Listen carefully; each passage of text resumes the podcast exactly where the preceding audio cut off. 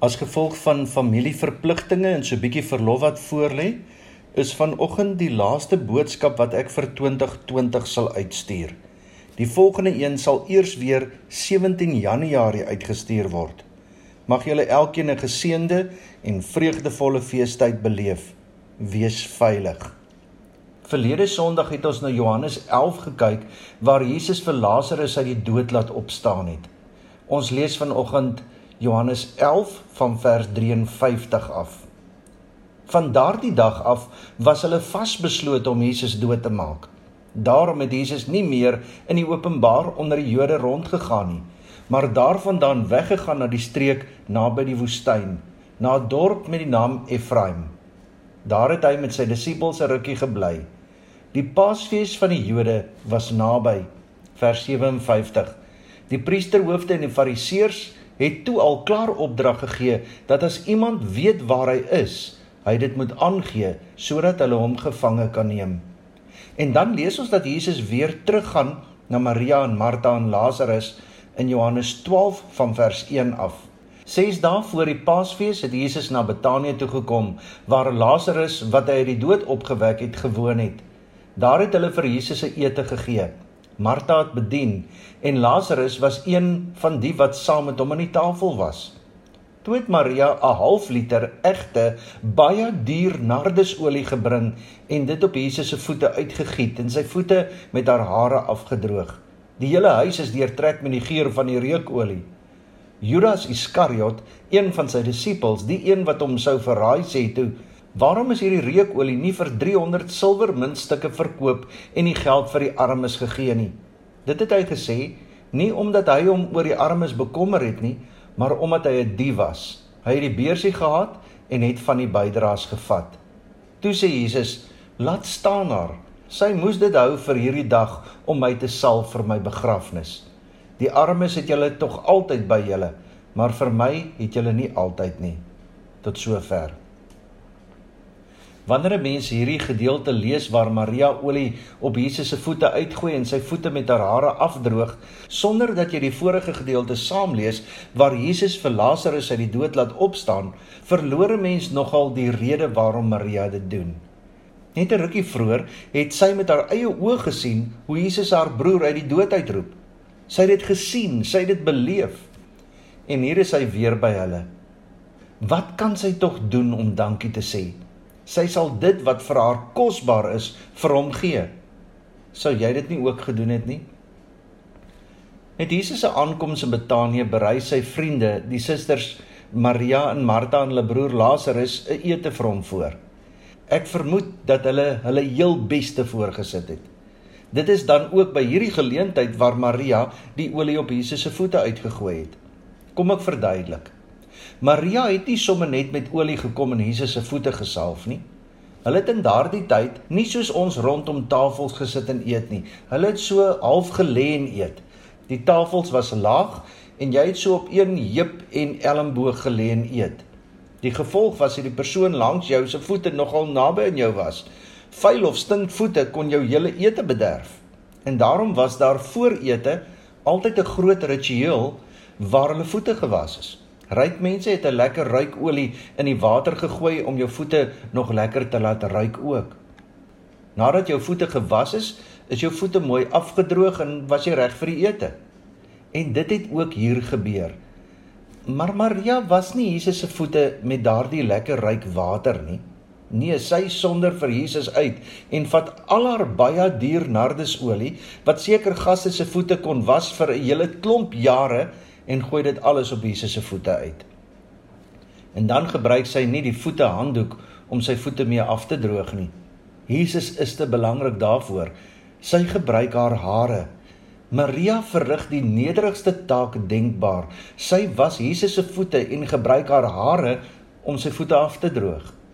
Die olie wat sy gebruik het was gemaak van die wortels van die nardusplant wat in die berge in die noorde van Indië groei. Daarom was dit baie duur, 'n jaar se salaris vir 'n dagloner.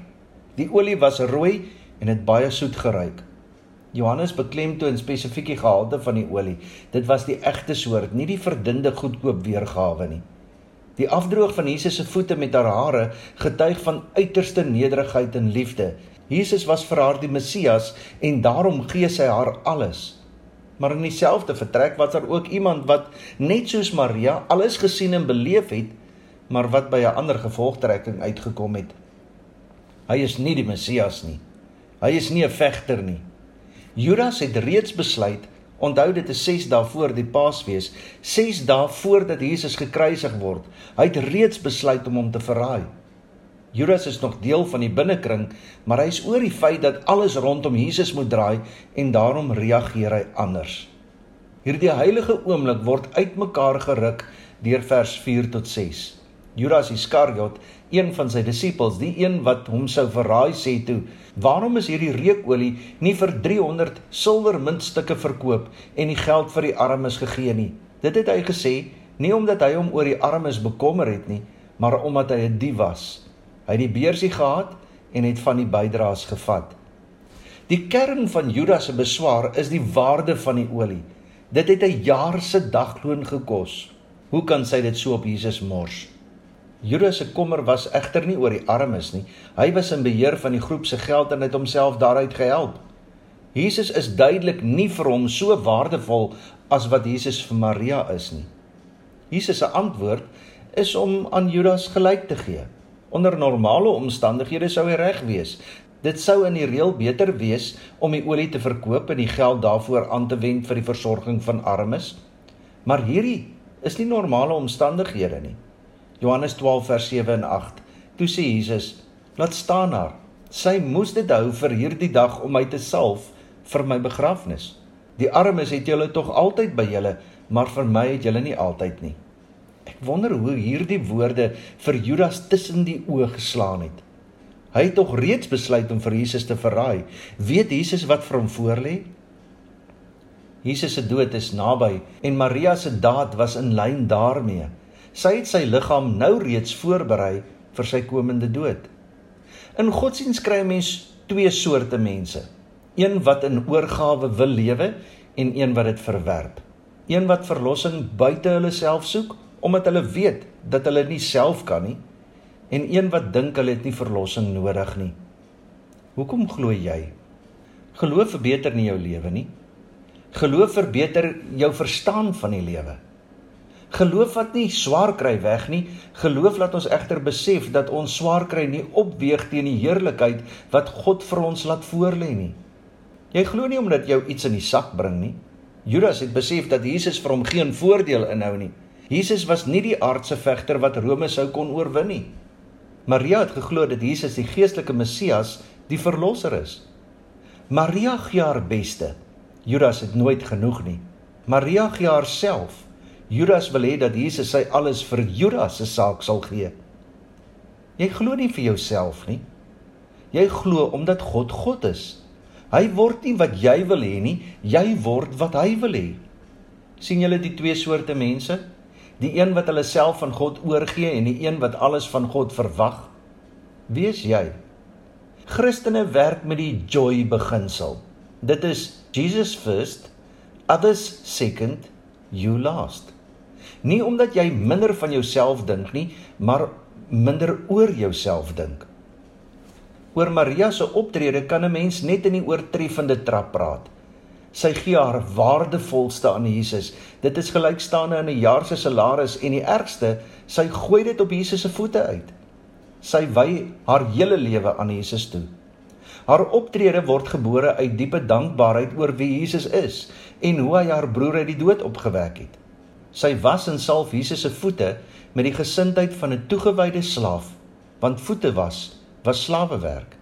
Sy versorg Jesus oorvloediglik terwyl die doodsdreigemente en verwerping reeds begin opstapel. Sy verloor haar waardigheid deur haar hare in die openbaar los te maak en Jesus se voete met haar trots haar hare af te droog. Maria is aangegryp deur Jesus en wy haarself aan hom toe. Maar ons weet tog dit begin nie by Maria nie. Dit begin by Jesus. Ons gaan nou die feestyd binne. Ons gaan regmaak vir Kersfees. Kerstyd is vreugdetyd. Ons verlosser is gebore en ons gaan dit weer gedenk. Ons mag en moet net nie die krib losmaak van die kruis en die leë graf nie. As Kersfees sonder die krib en die leë graf ons hoogtepunt is, dan is ons Judas. Dan gaan dit oor dit wat ons kry. Jesus wat homself kom gee. Ons moet eintlik Kersfees rondom die leë graf vier. Want dit is by die leë graf waar ons onsself aan God kan oorgee. Romeine 12 vers 1 en 2. Gee jouself aan God as 'n lewende en heilige offer wat vir hom aanneemlik is. Dis die wesenlike van die godsdiens wat jy moet beoefen. Julle moenie aan hierdie sondige wêreld gelyk word nie, maar laat God julle verander deur julle denke te vernuwe. Dan sal julle kan onderskei wat die wil van God is, wat vir hom goed en aanneemlik en volmaak is. Hierdie Kerstyd is dis 'n tyd vir jou om te besin oor jou navolging van Jesus.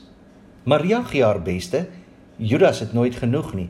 Maria gee haarself. Judas wil hê dat Jesus sy alles vir Judas se saak sal gee sien julle die twee soorte mense, die een wat hulle self aan God oorgee en die een wat alles van God verwag. Wie is jy? Jy moet weer nadink oor hoe jou lewe ingebed is in die lewe van Jesus. Dit is 'n saak van lewe en dood om Jesus te volg. Jy moet sterwe aan jou aspirasies en jou agenda.